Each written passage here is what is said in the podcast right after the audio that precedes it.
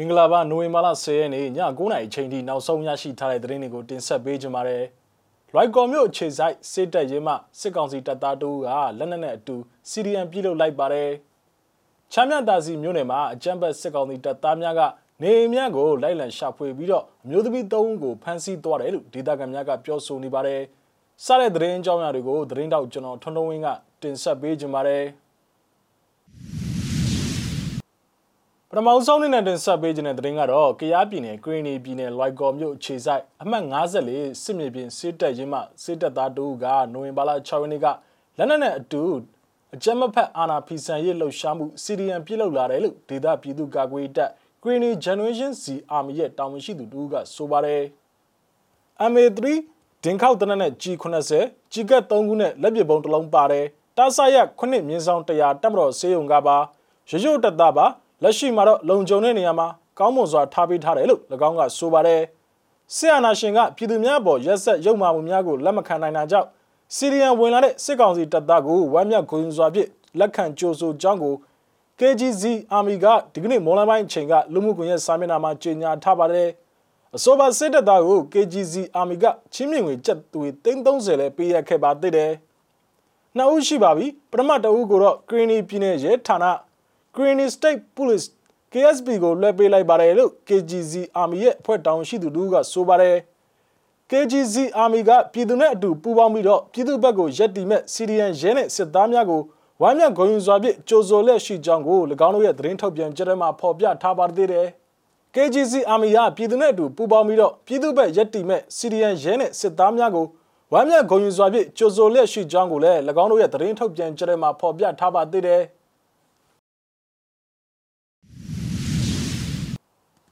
ဆက်လက်ပြီးတင်ဆက်ပေးခြင်းတဲ့သတင်းကတော့မန္တလေးတိုင်းဒေသကြီးချမ်းမြသာစီမြို့နယ်မန္တလေးမြို့သစ်အောင်သားရရက်ကွက်အတွင်းမှာရှိတဲ့နေအိမ်များကိုချမ်းဘတ်စစ်ကောင်စီတပ်ဖွဲ့ဝင်တွေက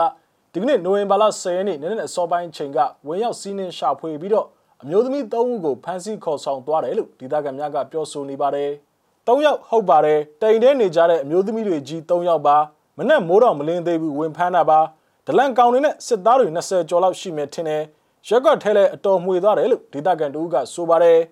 ဒီကနေ့နိုဝင်ဘာလ10ရက်နေ့နနက်စောပိုင်း9နိုင်ဝန်းကျင်ချိန်ခန့်ကအောင်သားရရက်ကွက်အတွင်းမှာရှိတဲ့နေအများစုကိုစစ်ကောင်စီတပ်ဖွဲ့ဝင်တွေကဝင်းရောက်စီးနှင်းရှာဖွေမှုများပြုလုပ်ခဲ့ကြောင်းမှားရင်သတင်းပေးမှုကြောင့်ရက်ကွက်စီးနှင်းခံရခြင်းဖြစ်နိုင်ကြောင်းကိုဒေသခံအချို့ကတုံ့တက်နေကြပါတယ်ကျွန်တော်တို့သိသလောက်တော့ဒီဘက်မှာလှုပ်ရှားတက်ကြသူမရှိဘူးအခုဟာကဒလန်ကသတင်းမှားပေးတယ်ထင်တယ်ဒလန်အသက်ခံရတဲ့ကိစ္စတွေကြောင့်ရှောက်ရမ်းနေတာလားမသိဘူးလို့ဒေသခံနောက်တူကဆိုပါတယ် အနည်းဆုံးအင်အား20နီးပါးပါဝင်တဲ့စစ်ကောင်စီတပ်ဖွဲ့ဝင်တွေက108လမ်းလမ်းသွယ်45လမ်းနဲ့46လမ်းကြားမှာရှိတဲ့နေအိမ်တေအိမ်မှအမျိုးသမီး3ဦးကိုဖမ်းဆီးသွားခြင်းဖြစ်ပြီးတော့မြည်သည့်နေရာကိုဖမ်းဆီးခေါ်ဆောင်သွားတယ်ဆိုတာကိုတော့ယခုချိန်ထိမသိရသေးကြောင်းကိုဒေသခံများကဆိုပါတယ်အစောပါရက်ကွက်မှာစစ်ကောင်စီသတင်းပေးဒလန်ဆိုသူများပြစ်ကတ်ခံခဲ့ရပြီးတော့တေဆုံးသွားတဲ့ဖြစ်ရများက၃ချိန်တည်းမနေ့ဖြစ်ပွားခဲ့ပါသေးတယ်။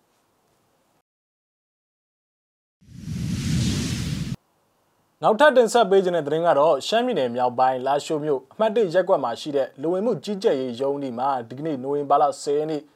မွန်းလယ်3:35မိနစ်ချိန်မှာဘုံပေါက်ကွဲမှုဖြစ်ပွားခဲ့တယ်လို့ဒေသခံများကပြောဆိုနေပါတယ်။အဆိုပါဘုံပေါက်ကွဲမှုကြောင့်လာဝကရုံးဝင်တဲ့အမျိုးသမီးတဦးနဲ့လမ်းသွားလမ်းလာလူငယ်တဦးမိုင်းဆထိမှန်ကဒဏ်ရာရရှိခဲ့ကြောင်းကိုမျက်မြင်တွေ့ရှိခဲ့တဲ့ပြည်သူတို့ကဆိုပါတယ်။လက်ရှိချိန်မှာတော့ဘုံပေါက်ကွဲမှုဖြစ်ပွားခဲ့တဲ့လမ်းကိုပိတ်ဆို့ထားပြီးတော့ အကြမ်းဖက်စစ်ကောင်စီတပ်ဖွဲ့ဝင်များနဲ့ရဲများကရောက်ရှိစစ်ဆေးနေကြောင်းသိရပါတယ်။လာရှိုးမြို့မှာယခုရပိုင်းအတွင်းမှာလိုင်စင်မဲ့ရင်များကိုစစ်ဆေးသိမ်းဆီးကလုံခြုံရေးတင်းကျပ်မှုများလည်းပြုလုပ်နေတော့လဲဘုံပေါက်ကွဲမှုတွေဖြစ်ပွားခဲ့ပါသေးတယ်။ထမန်တင်ဆက်ပေးခြင်းတဲ့သတင်းကတော့ရှမ်းပြည်နယ်ဖေခုံမြို့ညောင်ကုန်းသစ်ရက်ကွက်မှာရှိတဲ့ရွှေနှလုံးတော်ရိုမန်ကက်သလစ်ဖျားကျောင်းကိုနိုဝင်ဘာလ9ရက်နေ့ညပိုင်းချိန်က လက်နက်ကြီးကြီးထိမှန်မှုကြောင့်ပျက်စီးဆုံးရှုံးမှုတွေရှိခဲ့တယ်လို့ဒေသခံများထံမှသိရပါတယ်။မနေ့ကည9နာရီလောက်ကနေည12နာရီထိလက်နက်ငယ်လက်နက်ကြီးတန်တွေကြားရတယ်။မြို့ထဲမှာကဘယ်သူမှမရှိကြဘူး။အပြင်လည်းမထွက်ကြဘူး။ဒီမနက်မှသိရတာဖះเจ้าတဲ့ကိုလက်နက်ကြီးကြီး၅လုံးကြားတယ်။၃လုံးကွဲတယ်။နှလုံးမကွဲဘူး။အမြောက်တက်ကပြစ်တယ်လို့ကြားတယ်လို့ဒေသခံတို့ကဆိုပါတယ်။ယမန်နေ့နိုဝင်ဘာလ9ရက်နေ့ညပိုင်းချိန်ကအချမ်းဘတ်စစ်ကောင်စီတပ်ဖက်မှလက်နက်ကြီးများဖြင့်ရန်တမ်းပစ်ခတ်မှုကြောင့် လူနာတင်ရင်တစည်းဆရာတော်ဤကားတစီရွှေနှလုံးတော်ဖះเจ้าဖះเจ้าနေရများခုံများနဲ့မှန်များထိခိုက်ပျက်စီးခဲ့တယ်လို့သိရပါတယ် မဖြစ်သင့်ဘူးလူတိုင်းရဲ့အထွတ်မြတ်ထားတဲ့နေရာပါစိတ်ထဲတော်တော်လေးဝမ်းနည်းရပါတယ်စိတ်မကောင်းလည်းဖြစ်မိပါတယ်သူတို့ကတပတ်ကိုအနည်းဆုံးနှစ်ခါလောက်လက်နက်ကြီးတွေနဲ့ပစ်ကြတယ်ပထမတစ်ခါကမေလ22ရက်နေ့မှာထိတယ်ဒုတိယတစ်ခါကတော့ခြံဝင်းထဲမှာဆိုတော့ရက်မမမိတော့ဘူးအခုကကကြောင်းဝင်းထဲနဲ့ကြောင်းနေရံတွေပါထိတာပါလို့ဒေသခံတို့ကဆိုပါတယ် မပေါက်ကွဲသေးတဲ့လက်နက်ကြီးကြီးများကိုတော့နားလည်သူများဖြစ်ကင်တွယ်ဖယ်ရှားပြီးစီးခဲ့ပြီးဖြစ်ကြောင်းကိုလည်းဒေသခံများကပြောဆိုပါတယ်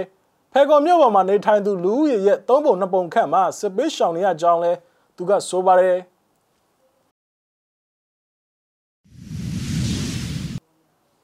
နောက်ဆုံးနေ့နဲ့တင်ဆက်ပေးခြင်းတဲ့သတင်းကတော့ပဲခူးတိုင်းဒေသကြီးကဝမြို့နယ်လူဝင်မှုကြီးကြပ်ရေးနဲ့ပြည်သူ့အင်အားဝင်ကြီးဌာနလောက်ဝကရုံးကိုဒီကနေ့နိုဝင်ဘာလ10ရက်နေ့နနက်6:45မိနစ်ချိန်ခန့်က အဝေးထိန်ဘုံတလုံးဖြစ်ဖောက်ခွဲခဲ့ကြောင်းကိုပဲခူးပြည်သူ့ကာကွယ်တပ်ဖွဲ့ရဲ့တာဝန်ရှိသူတို့ကမြစည်းမသတင်းဌာနကိုပြောဆိုပါတယ်။ရုံးကတော့ဖျက်ဆီးလိုက်နိုင်ခဲ့တယ်။ထိကြအောင်တော့လှုပ်ချင်တာပေါ့။လှုပ်ရင်လည်းလုံခြုံရေးကိုကြည့်ရမယ့်အခြေအနေရုံးဖျက်ဆီးနိုင်တဲ့အနေအထားနဲ့ပဲတတိပေးတဲ့အဆင့်ပါလို့၎င်းကမြစည်းမသတင်းဌာနကိုဆိုပါတယ်။အစောကပောက်ကွဲမှုကြောင့်လူထိခိုက်မှုမရှိဘူးလို့လည်းသူကဆိုပါတယ်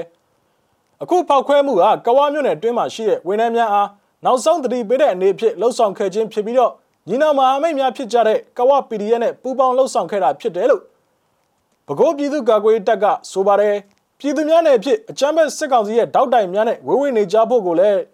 ပဲခူးပြည်သူ့ကာကွယ်တပ်ဖွဲ့ကတိုက်တွန်းထားပါသေးတယ်ဟုတ်ကဲ့ပါနိုဝင်ဘာလ10ရက်နေ့ည9:00နာရီအချိန်ထိနောက်ဆုံးရရှိထားတဲ့သတင်းတွေကိုကျွန်တော်တို့မျိုးစိမဝိုင်းတော်သားများကနေပြီးတော့တင်ဆက်ပေးကြတာပါ မြန်မာပြည်နဲ့မှာနေထိုင်တဲ့မိဘပြည်သူတွေအကုန်လုံးဘေးရန်နဲ့ကင်းရှင်းကြပါစေလို့ဆုမကောင်းတောင်းအပ်ပါတယ်လက်ရှိဖြစ်ပွားနေတဲ့ COVID-19 ကရောဂါနဲ့ပတ်သက်ပြီးအထူးကြီးစိုက်ကြဖို့ကိုကျွန်တော်တို့မျိုးစိမဝိုင်းတော်သားများကတိုက်တွန်းလို့ဆိုခြင်းပါတယ်နောက်ထပ်ရရှိလာမယ့်သတင်းတွေအတူတူကျွန်တော်တို့ပြန်လာခဲ့ပါမယ်